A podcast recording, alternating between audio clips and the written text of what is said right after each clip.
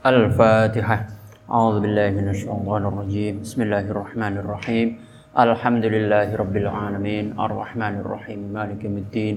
إياك نعبد وإياك نستعين. اهدنا الصراط المستقيم. صراط الذين أنعمت عليهم غير المغضوب عليهم ولا الضالين. بسم الله الرحمن الرحيم. ولا تترك قيام الليل Wala tatruk lan aja ninggal sapa sira qiyamal laili ing tangi bengi. Fa innahu mangkastuhune qiyamul lail iku nurun cahaya lil mukmini kaduyong mukmin. Yaumal qiyamati ing dalam dina kiamat. Yas'a kang tumandang sapa mukmin min baini yadayhi saking antarane arpe nur wa min khalfihi lan saking burine nur. Wa fi kalamihim ing dalem pembicaraane ulama. Man utawa sapane wong iku tolak dawa maksudnya suwe apa wukufuhu ngadege man atau apa wukufuhu menenge man baina yadayillahi ing dalam ngarepe Allah taala halimah sapa Allah. Fi zulami ing dalam peteng sabata. Sabata makana tepaken sapa Allah Gusti Allah taala halimah sapa Allah. Qadamaihi ing delamakan lorone man ala sirati ing atase wat yaumat tuzalzilu. Ing dalam dinane gonjang ganjing opol akdamu piro-piro delamakan Waqad rawalan teman-teman riwayatakan sapa muslimun imam muslim fi sahihihi ing dalam sahih muslim.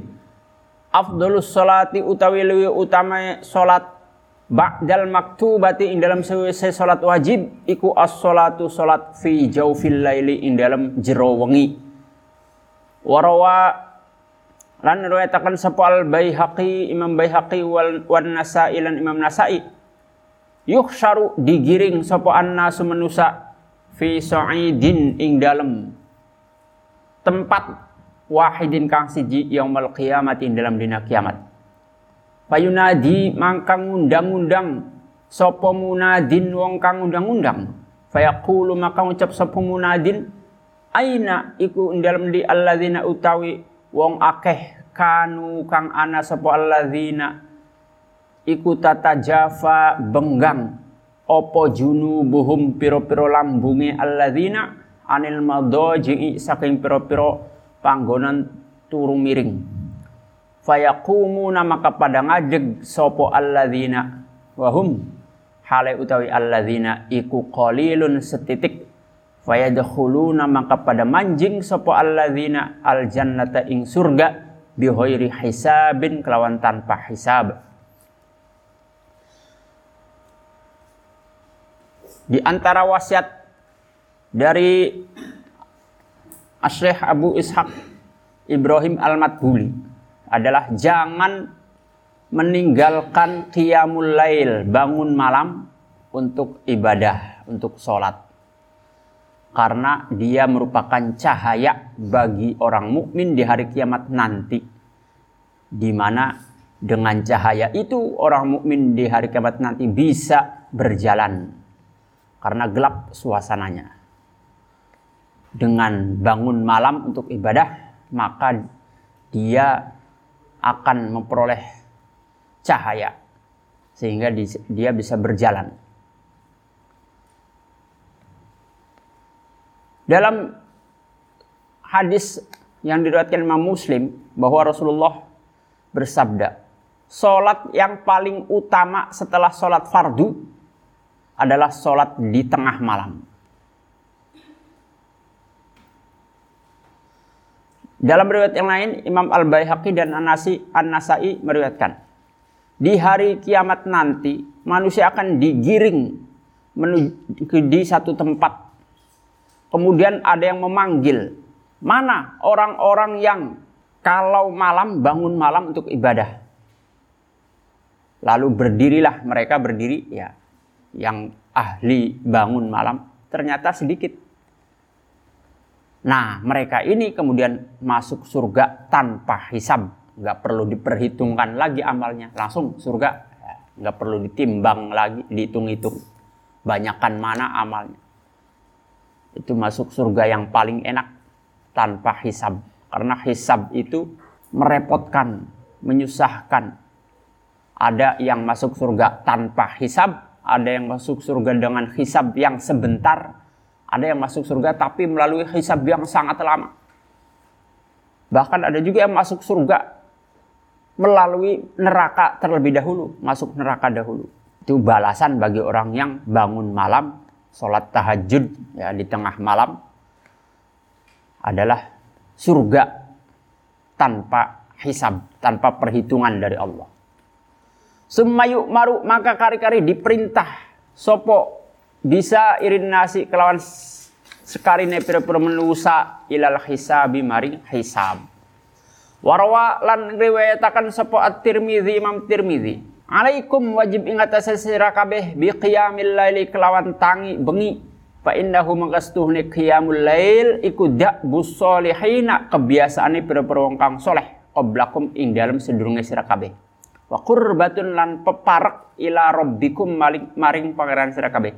Wa mukaffiratun lan ngelebur as-sayyiati ing pira-pira kejelekan. Wa manhatun lan nyegah anil ismi saking dosa. Wa fi riwayat Tabarani lan dalam riwayat Imam Tabarani wa mutri datun lan musir lidai maring penyakit anil jasadi saking jasad. Warwa lan riwayatakan sopo ibnu abi dunya. Ibnu abi dunya wal bayhaqi lan al bayhaqi. Ashrafu ummati utawi piro-piro wong kang mulia umat isun iku hamalatul ar, iku hamalatul qur'ani pira-pira wong kang gawa Quran wa ashabul laili lan pira-pira wong kang duweni bengi Warwalan nguratakan sapa At-Tabarani Imam Tabarani fil Kabir dalam kitab Al-Kabir Sunan Al-Kabir. Man utawi sapane wong iku bata sewengi-wengi sapa man lailatan ing dalam wengi fi khiffatin ing dalam enteng minat ta'ami saking panganan wasyarabilan inuman yusolli kang salat sapa man tadarokat mangka pada nyusul sop haulahu ing dalam kiwe tengene man opo al hurul ainu bidadari hatta yusbiha sehingga esuk-esukan sapa man nah, itu banyak banget hadis yang menjelaskan keutamaan bangun malam bidadari akan turun mengelilinginya sampai subuh. Meskipun orangnya sih yang bangun malam tidak merasa sedang dikelilingi bidadari itu. Ya, merindukan orang yang bangun malam bidadari ini. Nanti dia di surga menunggu, rindu, kangen dengan santri yang bangun malam itu sholat tahajud. Wa kanalan ana sapa sidi bendara kula Ahmadu bin Rifai Ahmad bin Ar-Rifai rahimahum gam-gam lasi ing Sidi Ahmad. Sapa Allah sallallahu taala halimah halur sapa Allah iku yaqulu ngendika sapa Sidi Ahmad. Li ashabihi bareng pira-pira muride Sidi alaikum wajib ingat sira kabeh bil qiyami kelawan tangi. Fis sulusi ing dalam sepertelu li akhirin maring akhir minal laili saking bengi. Wala tufarritu lan aja pepeka sapa sira kabeh fi dzalika ing dalam mengkono-mengkono al qiyam fa innahu mangkastuna qiyam iku ma fa innahu kelakuan iku ma min lailatin ora ana saking bengi min layalis sanati saking piro-piro bengi setahun illa wayan zilu angin temurun fiha ing dalam lailah opo rizqun rizki? Minas samai saking langit fayufarraqu mangka dibagi opo rizki alal mustayqidhina ing atase pira-pira wong kang tangi. Wayah rumulan haram min husaking atau wayuh rumulan dialangi min husaking rizki sopo anna imuna pira-pira wong kang turu. Waqad auhalan teman-teman paring wahyu sapa Allah Gusti Allah taala hale mahalur sapa Allah ila Sayyidi Dawud maring Sayyid Dawud. Nabi Dawud alaihi iku muga tetep ingatase Dawud as-salatu tawi rahmat wassalamu lan keselamatan. Ya Dawudu, he Dawud. Kadzaba goroh, bohong, sopeman wong idda'a kang ngaku sopeman mahabbati ing demen isun Faiza janna maka nalikane manjing opo alailu bengi nama mangka turu sopo man ani ninggalakan saking isun. Dalam satu malam dalam setahun itu ada malam yang di mana di sana rizki dibagi. Dibagi buat siapa? Buat orang yang sedang melek bangun malam untuk ibadah. Sedangkan mereka yang tidur nggak kebagian ada satu malam dalam setahun di mana Allah menurunkan rezeki di malam itu. Cuma malam apa ini yang tidak diketahui, dirahasiakan. Siapa yang kebetulan malam itu lagi ibadah pada Allah, maka dia akan diberi rezeki oleh Allah. Ya. Karena malam ini kapan tidak diketahui, sengaja ditutup oleh Allah kapan malamnya, supaya tiap malam kita bangun Siapa tahu pas ngepasin malam itu. Ya. Nabi Daud didauhi oleh Allah. Ya Daud, hei Daud. Kalau ada orang yang mengaku cinta kepadaku, kata Allah. Tapi ketika malam datang kok dia tidur meninggalkanku. Maka bohong. Ya. Kalau ada seseorang sepasang kekasih mengaku cinta Sementara tiap malam kekasihnya menunggu panggilan dari kekasihnya, telepon. Lah kok tidur, ditinggal tidur. Enggak ah, saya mau tidak mau bercengkrama dengan kekasih saya. Bohong cintanya. Ya. Kalau dia benar cinta, dia akan bercengkrama dengan kasihnya setiap malam. Lah Allah itu seharusnya kita cintai. Cara bercengkrama dengan Allah ya dengan melalui sholat. Lah kalau ditinggal ditinggal tidur Allahnya. Berarti kan bohong cinta kita pada Allah itu. Padahal Allah menanti setiap malam itu. Kita berkomunikasi dengannya. Yaitu dengan cara ibadah. Wa kana lanan sepo sidi bendara kula Ali al-Khwasu. Ali al-Khwas. Rahimahum gam gam melasi ing sidi Ali. Sapa Allah taala halimah halur sapa Allah. Iku hasaat itu bukan bak itu ya atau kalau mau yahusu dikasih titik satu lagi yahusu atau hasa baknya dibuang. Dorong sopo sidi ashabahu ing piro-piro muri sidi kathiron kelawan akeh ala niyati qiyamil laili ngatasi niat tangi bengi wa yaqululan ngendika sopo sidi inna syari'a stune Gusti Allah. Ya, iku kodrot tabak teman-teman ngurutakan sapa Allah as-sawaba ing ganjaran alan niyati ing atase niat la alal amali. Ora ing atase amal. Faman makutu sapane wong iku azama neja sapa man ala khairin ing atase kebagusan wala yuqsamu lan ora dibagi sapa apa khair lahu kodeman atahu maka nguwei ngepai sapa eh, hu ingman sapa Allah Allah taala halim ahlur sapa Allah ajroni yatihi ing ganjaran niate man. Fa innahu maksudnya kelakuan iku qala ngendika sapa Kanjeng Nabi fil hadis dalam hadis. Innama likulli imri'in manawa innama likulli imri'in angin pestine iku kadue saban-saban awak-awakan ma utawi perkara nawa kang niat sapa imri'in. Walam yakul lan orang ndika sapa kanjeng nabi likul limriin ma faala. Likul limriin iku kadue saban awak-awakan ma utawi perkara faala kang agawe sapa imriin fa ulima maka dikawruhi opo annaman setuhune wong wa zoba kang nglanggengaken biasaaken sapa man. Ala tarqi qiyamil laili ing atase ninggalaken tangi bengi iku laisa ora ana iku lahu kodeman fi tariqis solihina ing dalam dalane pira-pira wong kang soleh apa nasibun bagian. Kalaupun tidak mampu kita bangun malam setidaknya setiap malam sebelum tidur kita niatkan azam ya kita maksudkan nanti di tengah malam kita bangun kemudian bangun malam kita tekankan di hati kalau nanti sebelum tidur ya nanti saya jam 3 mau bangun ah mau sholat tahajud dua rakaat aja ya. tidak perlu banyak-banyak sebetulnya yang penting ada yang kita lakukan meskipun cuma dua rakaat Niatkan seperti itu supaya itu jadi pahala kita. Meskipun kita kenyataannya nggak bangun. Ya. Karena dalam hadis innama likulli limri'in manawa. Bagi setiap orang itu ada pahala niat. Hadisnya tidak berbunyi ma'fa'ala. Dia akan dapat pahala kalau melakukan. Enggak, niat saja sudah ada pahalanya. Ya kalau dilakukan didobel pahalanya. Nanti jam 3 saya mau bangun, mau sholat tahajud. Niatkan seperti itu sebelum tidur ya. Eh, nggak bangun, tetap udah dicatat pahala satu. Ya, punya tujuan, bermaksud ingin melakukan kebaikan, dicatat pahala satu. Kalau benar-benar dia bangun melakukan, didobel pahalanya oleh Allah minimal 10 nilainya jadinya.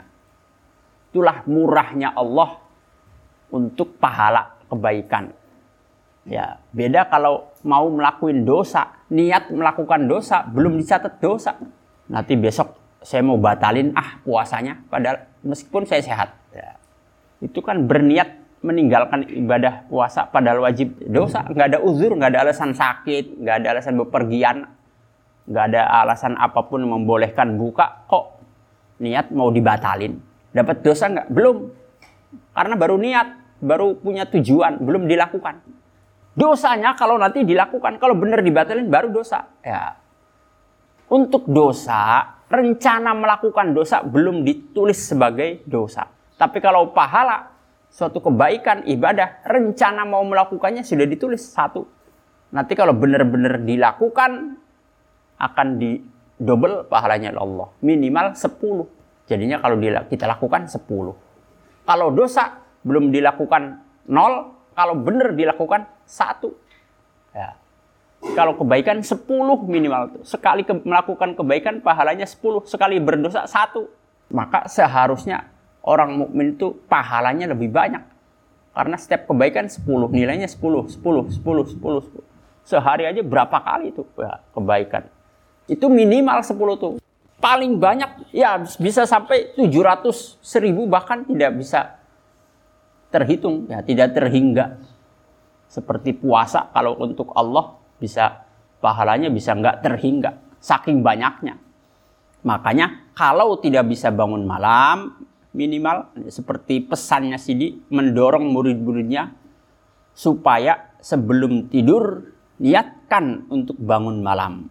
Wa ta'ammal lan angan-angan sapa sira ya akhi he sedulur ranang isun annaman ing sedune wong yuk kasukang diwalik fi hudurihi ing dalam hadireman opo mau kibus sultani.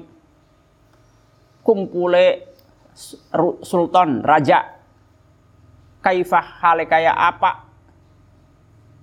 Yuqatti'una mutus sapa akeh jamik tahu ing gajiye sultan tabsirotan hale peninggal wa zikrolan pengeling-eling li ulil albabi kade pira-pira wong kang duweni ati. Faklam makoro sapa sira? Zalika ing mengkono-mengkono qiyamul lail. Ya akhi he sedulur lanang isun wala tatruk lan aja ninggal sapa sira qiyamal laili ing tangi bengi. Faqad waroda mangkatan mentu meka opo anak kurang hamzah itu ya. Opo anna ummis sayyidi sulaimana? Ibue sayyid sulaiman nabi sulaiman maksudnya. Alaihi kumugi tetap ingat ase sulaiman assalamu alaikum keselamatan. Iku qalat ngendika sapa ummi sulaiman ya bunayya he anak lanang isun la tatruk aja ninggal sapa sira qiyamal laili ing tangi bengi. Fa inna tarka qiyamil laili maka setune ninggalaken tangi bengi iku. Ya da'u tinggal sapa ar-rajulu wong lanang faqiran hale fakir. Yaumal qiyamati ing dalam bengi kiamat. Ibunya Nabi Sulaiman, berarti istrinya Nabi Daud. Ya, karena Nabi Sulaiman bin Daud berpesan kepada anaknya, "Hai anakku," itu kepada Nabi Sulaiman, "jangan kau tinggalkan bangun malam, karena kalau meninggalkan bangun malam, maka dia akan miskin di hari kiamat nanti." Wal yakun lan becik ana opo qiyamul lail. Ail qiyamul lail tiga setani bengi iku fi baitika ing dalam umah sira. Lima karena hadis waroda kang tumakopom ma soli salat sapa sira fi zawaya baitika ing dalam pondoke umah sira yakun mangka ana opo nuru baitika cahaya umah sira iku fis samai ing dalam langit. Kanuril kawakibi kaya cahaya piro-piro bintang wan bintang gede wan nujumi lan piro-piro bintang cilik li ahli dunia maring ahli dunia Wafis sahihaini dalam sahih Bukhari Muslim afdolus solati utawi li utama solat iku solatul mar'i solate awak-awakan fi baitihi ing dalam umai almar'u illal maktubata angi solat fardu. Wa qala lan ngendika sapa ba'dus salafi sebagian ulama salaf inna fadla solatin nafilati setuhne keutamaane solat sunnah fil baiti ing dalam umah iku kafadlil faridoti kaya keutamaane salat fardu fil masjidi ing dalam masjid. Wan abil jildi saking abil jilid kola ngendika sapa abil jild lakiya ketemu sopo Isa Nabi Isa. Alaihi iku mugi tetep ing atasnya Nabi Isa as-salatu rahmat wassalamu keselamatan iblisa ing iblis Faqala maka ngendika sapa Nabi Isa lahu maring iblis, "Ya iblisu, he iblis, as'aluka takon sapa isun ing sira bil hayyi kelawan zat demi zat kang urip al qayyumi kang maha jumeneng. Ma utawi apa? Iku allazi yasullu kang ngancurakan opo allazi jismaka ing badan sira wayak ta'ulan megot apa alladzi zahraka ing gigir sira. Faqala maka ngucap sapa iblis iblis? Ya nabi Allah he nabi Allah laula annaka lamun oras tuhune panjenengan iku saalani takon panjenengan ingkula bil hayyil qayyumi.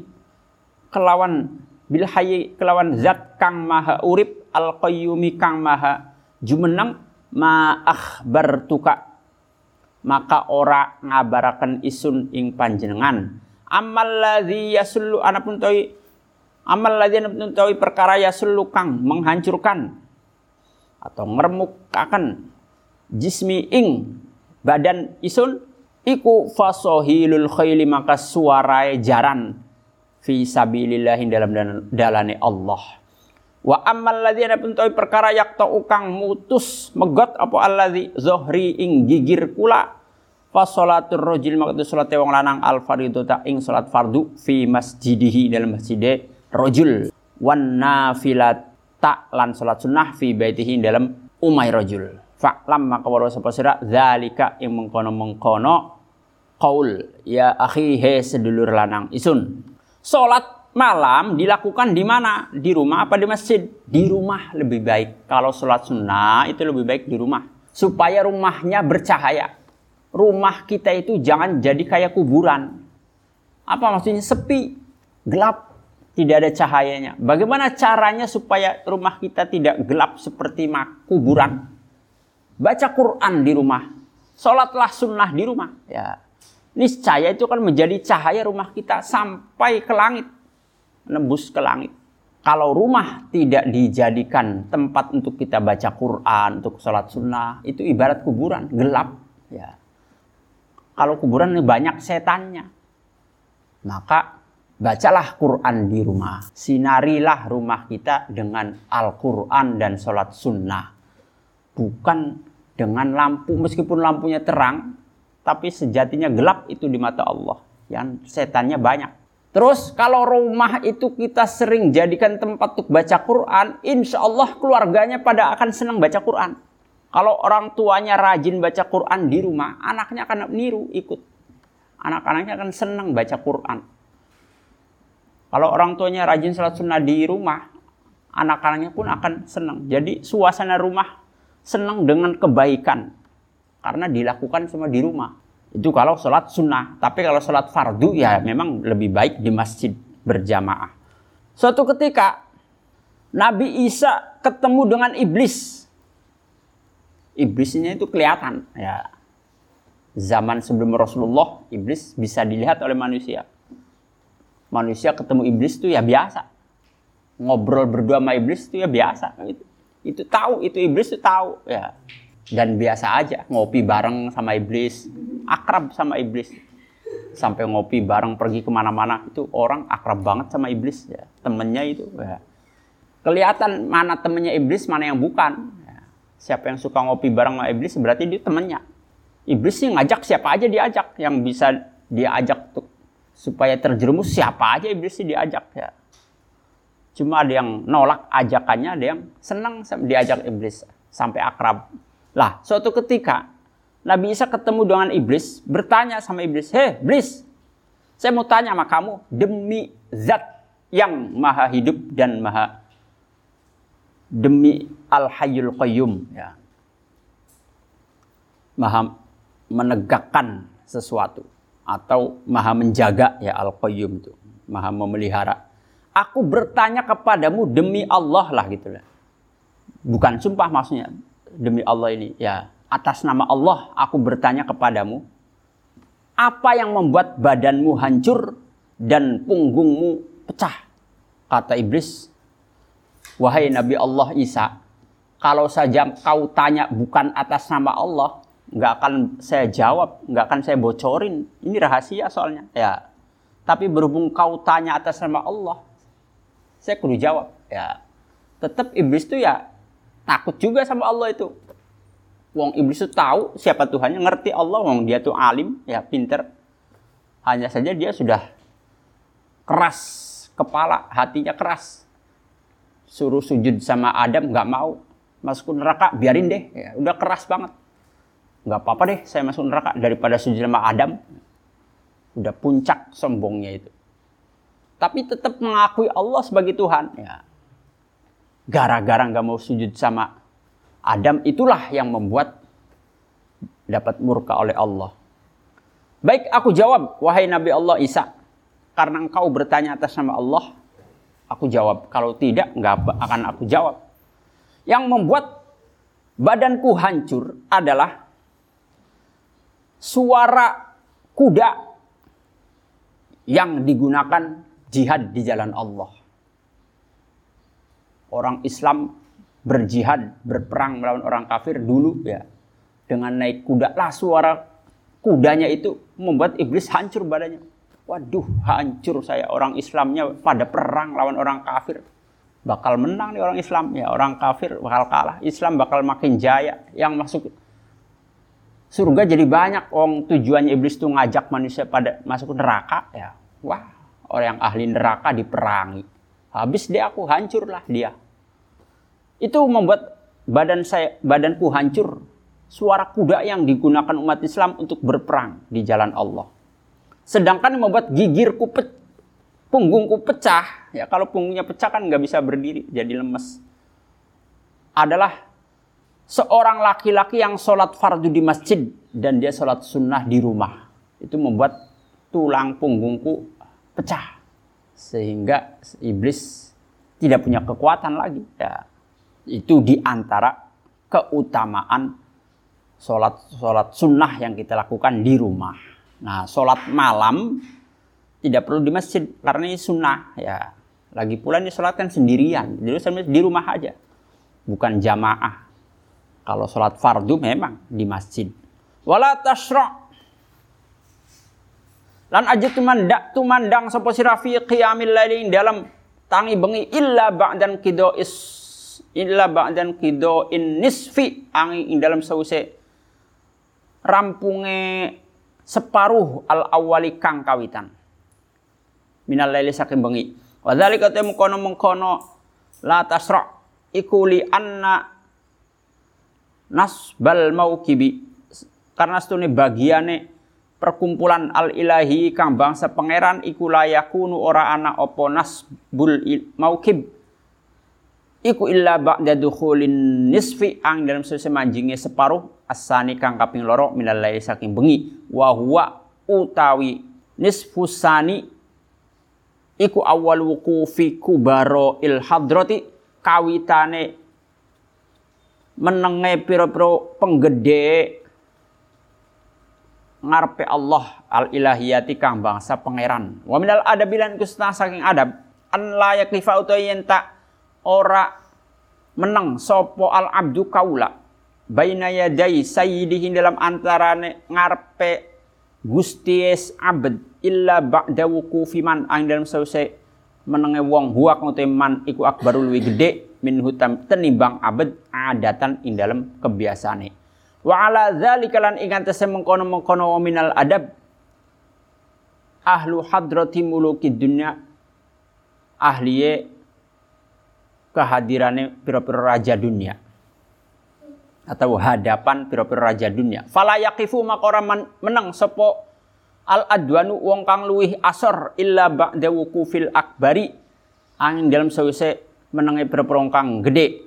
Waqad kana ana sopo sidi Ali al khawasu Sidi Ali al khawas rahimahu muga muga melasi ing sidi. Sapa Allah Gusti Allah taala halimah lurus sapa Allah. Iku idza ja'a nalikane teka ilal jami'i maring masjid. Jami li salati subuhi maring salat subuh. Walam yaro lan ora ningali sapa sidi fil jami'i ing dalam masjid. Jami ahadan ing wong suwiji yaqifu mangka menang sapa sidi ala babihi ing atase lawange jami khodian hale wong kang andap asor zalilan tur ina.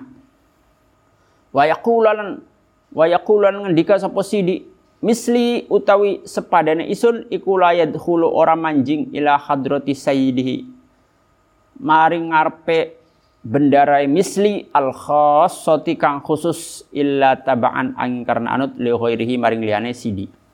Kenapa bangun malam itu lebih baik separuh malam yang kedua?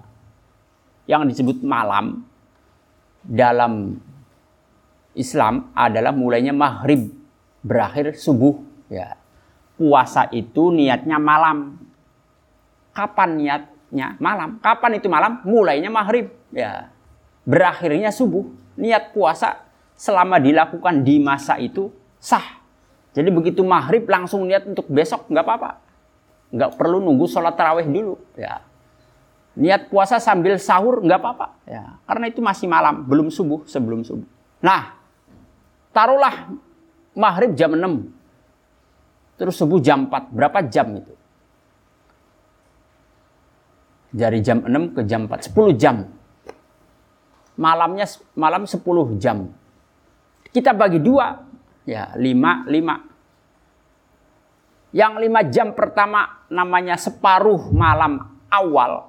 Yang 5 jam kedua separuh malam yang kedua. Jadi mulai jam 6 sampai jam 11 malam namanya separuh pertama. Di atas jam 11 namanya separuh kedua. Ya, karena 10 jam dibagi dua. Itu kalau malamnya 10 jam. Tentu malam itu tiap hari, bulan bisa beda-beda berapa lama. Karena maghrib dan subuhnya maju mundur. Ya, di itu di Indonesia, belum di negara lain. Ada yang maghribnya jam 7 malam baru maghrib. Ada yang jam 9 malam baru maghrib. Ya, maka puasa mereka sampai jam 9 malam. Kita beruntung di Indonesia tuh. Kalau maghribnya jam sekitar jam 6. Kalaupun naik enggak terlalu jauh. Kalau di negara-negara seperti Mesir itu maghrib jam 9 malam. Subuhnya jam 4 pagi. Berarti puasanya berapa jam? Kita jam 9 malam itu udah selesai ngaji pasaran. Ya. Enggak cuma selesai terawih, ngaji pasaran udah selesai. Di sana baru maghrib, baru buka. Lah terawihnya jam 10, jam 11 baru terawih. Jam 11 baru selesai terawih karena baru isya. Eh jam 4 udah subuh. Baru aja selesai ngaji, pasaran, udah sahur, itu subuh. Bahkan ada yang lebih ekstrim lagi. Malam sampai 20 jam itu ada. Negara-negara di kutub itu bisa sampai 22 jam bahkan bisa jadi nggak ada malamnya. Siang mulu. Tidak ada, nggak pernah matahari tenggelam. Nah itu seperti apa itu hukum puasa yang di negara-negara seperti itu? Ada juga negara yang tidak pernah merasakan siang. Malam mulu. Nggak ada siangnya. Matahari nggak pernah muncul. Itu negara-negara yang kutub. Kutub utara atau kutub selatan. Meskipun kutub. Tapi yang penghuninya ada ya. Ya biarpun sedikit yang tinggal di sana. Karena kalaupun di sana dingin ya dinginnya dingin banget. Kalau panas ya panasnya panas banget. Manusia nggak akan mampu kuat lama tinggal di situ kalau apalagi ukuran kita orang Indonesia nggak akan kuat tinggal di kutub gitu. karena dinginnya dingin banget melebihi dinginnya es batu melebihi freezer. Ya jadi di sana hidup di sana kayak di dalam freezer bahkan lebih dingin daripada freezer. Lah freezer segede itu. Sekota ya. senegara seperti freezer cuacanya dingin banget kalau untuk ukuran kita orang Indonesia, apalagi nggak punya pengalaman hidup di luar, ya bisa pecah darahnya, pembuluh darahnya itu. Itu ada negara-negara seperti itu yang tidak pernah siang, ada yang tidak pernah malam kecuali setelah berapa hari baru matahari terbit. Ya, di negara lain sudah satu bulan ini baru terbit matahari, baru sehari di situ. Negara-negara seperti Islandia, ya, Denmark, Norwegia di Eropa-Eropa yang pinggirnya kutub. Itu kalau lagi musim panas ya siangnya lama. Kalau lagi musim dingin ya malamnya yang lama. Tergantung. Ya kamu bayangkan kalau siang mulu. Jadwalnya kalau kita samain dengan Indonesia nggak akan ketemu. Di Indonesia habis maghrib ngaji Quran. Nah ini malamnya cuma 4 jam. Antara maghrib sampai subuh tuh cuma 4 jam. Ngaji Quran, Isa. Belum juga sempat tidur udah subuh. Ngaji lagi habis subuh. Terus habis subuh baru tidur. Ya. Karena sekolahnya ntar jam 7. Jam 7 ini masih lama. 5 jam lagi. Karena jam 1 malam, kalau kitanya malam jam 1, di sana udah subuh, udah udah terbit matahari. Ya, di sini jam 1 malam, di sana matahari udah terbit. Sekolahnya berangkat sekolah jam 7 pagi. Ya, berarti kan masih ada waktu 6 jam lagi. Nah, nah maksudnya begini. Orang-orang soleh, para kekasih Allah akan bangun malam di separuh kedua. Mereka mulai bangun malam separuh kedua alias di atas jam 11. Bahkan di atas jam 2, jam 3 baru bangun malam ya. Sepertiga malam yang terakhir. Adabnya kalau kita mau bertamu ke orang yang terhormat, kita mau menghadap kiai, tapi bebarengan dengan orang yang lebih mulia daripada kita. Sama-sama mau ketemu tokoh, mau ketemu kiai, mau ketemu presiden. Pas masuk ada guru kita, ya. Sama-sama mau ketemu kiai itu Masa kita nyelonong duluan, duluin guru? Ya, tentu guru dulu ya. Guru selesai dengan kebutuhannya, baru kita masuk. Mau ketemu presiden, ternyata di depan pintu istana ketemu guru kita sama-sama mau ke presiden. Atau ketemu gubernur sama-sama mau ke presiden. Adabnya ya kita gubernur dulu. Ya. kita ini siapa? Jangan kita nyelonong duluan. Kita di belakang setelah gubernur baru kita. Ya itu mau ketemu presiden aja begitu. Orang yang derajatnya lebih rendah sebaiknya ngalah. Dahulukan yang lebih tinggi.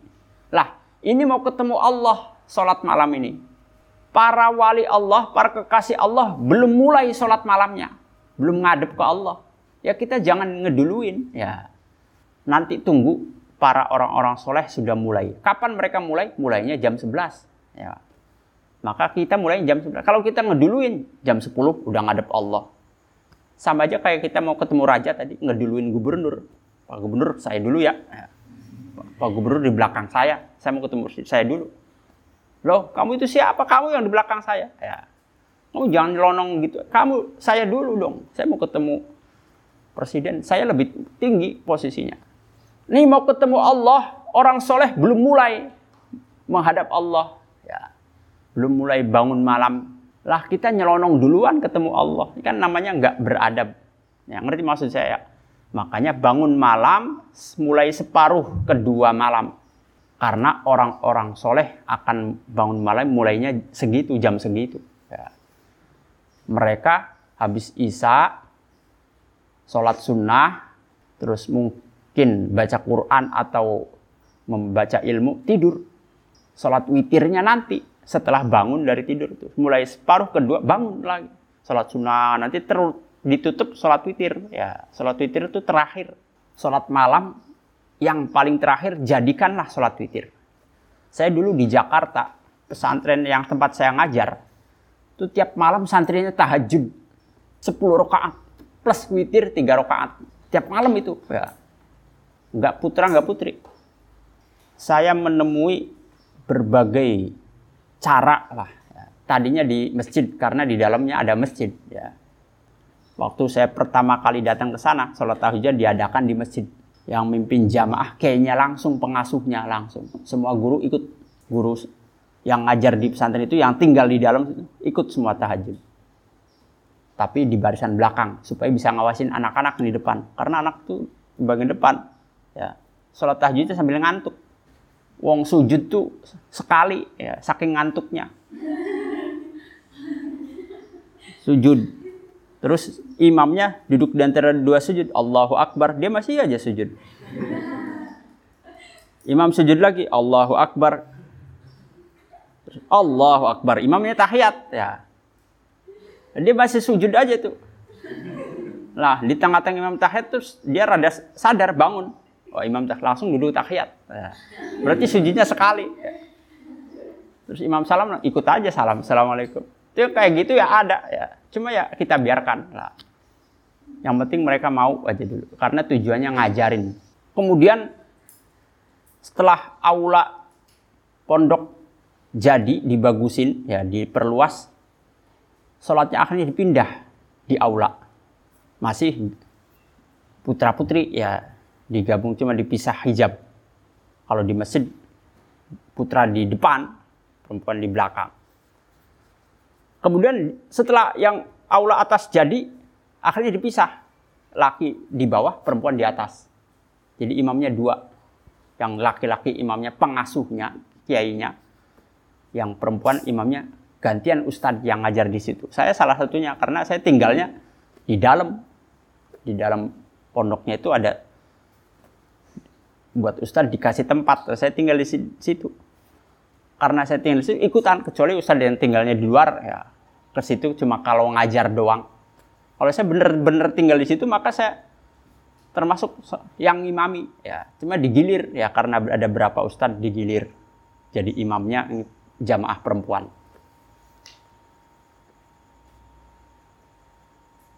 Tiap malam itu tahajud nggak ada liburnya.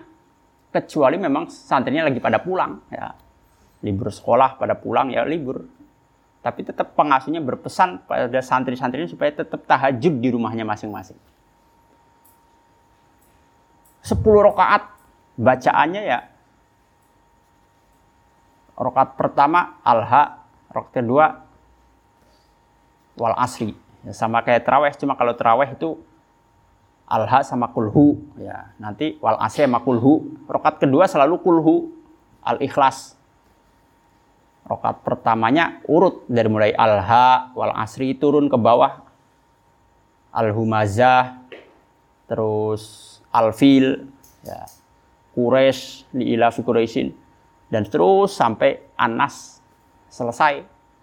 Jadi kalau pengen tahu bilangan rokaat ini rokaat keberapa, lihat bacaan imamnya. Ya, karena dibuntet dan di banyak tempat tradisi sholat raweh itu urut dari mulai alha, alha kumutakasur, sampai tabat itu teraweh. Nah, mulai kulhu al falak anas adanya di witir ya. Sok perhatiin bacaan imamnya. Kalau imam nasi baca Aro'aital ladzi yukadzibu biddin. Berarti tinggal sisa berapa lagi? Sampai tabat ya. Kalau tabat itu terakhir terawih. Di bawah aro'aita ada inna a'toina, ada kuliah, ada idza ja'a baru tabat. Berarti segitu lagi rokaat. Kalau selesai tabat berarti selesai terawih. Ya. Dilanjut witir tiga rakaat. Witir tiga rakaat, dua rakaat pertama itu bebas, imamnya baca apa aja bebas. Rakaat yang satu lagi, yang satu rakaat dikumpul jadi satu. Al-Ikhlas, Al-Falak, Anas. Ya. Perhatiin juga imam masjid dibuntet kan kedengeran. Seperti itu kebiasaannya dan di banyak tempat nggak cuma dibuntet aja. Supaya imamnya juga bisa mudah mengingatnya bagi imam saya dapat berapa nih? Berapa rokat lagi nih? Caranya imam mengingetin ini rokat keberapa adalah dengan surat apa yang dibaca. Ya. Jadi kalau saya jadi imam nggak perlu saya ngitung. Satu dua cukup saya ingat surat surat yang saya baca. Tadi alam taro alam taro kaifah berarti habis ini ilah habis ini ini. Habis ini ini. Begitu oh ini berarti tabat udah selesai. Ya nggak perlu saya hitung satu. Capek malah kalau ngitung. Ya atau saya sediain batu satu dua. Nggak perlu imamnya kayak gitu. Cukup dengan surat yang dia baca otomatis tahu berapa rokat lagi.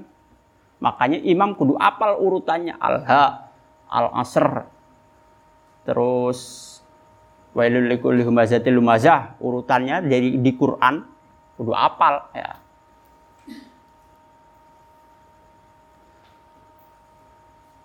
Dulu waktu di Jakarta kebetulan pesantren yang saya ajar seperti itu kebiasaannya, kewajiban santrinya. Ya, bahkan ada banyak pesantren di Jakarta yang kayak gitu. Nanti habis subuh tuh ngaji kitab ya nggak tidur ngaji lagi. Tapi sekolahnya jadinya jam 8 masuknya karena tadi bang tahajud bang malamnya ya malah kadang-kadang kalau anak cewek apalagi nggak ada waktu buat tidur kalau habis subuh tuh. Karena mereka tuh mandi, habis ngaji mandi, sarapan. Ya, kalau anak laki kan kadang cuek. Mandi ya asal cuci muka aja. Nggak bener-bener mandi. Asal gue cuci muka, gosok gigi, jadi berangkat. Nggak terlalu mikirin mandi jadinya habis selesai ngaji pada tidur. Kalau perempuan bener beneran mandi, ya. Jadi nggak bisa dia tidur karena kudu mandi. Jam 8 baru masuk sekolah. Terus pulangnya jam 1 ya. Karena malamnya tahajud.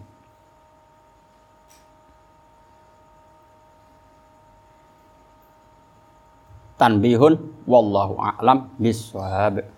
Assalamualaikum warahmatullahi wabarakatuh.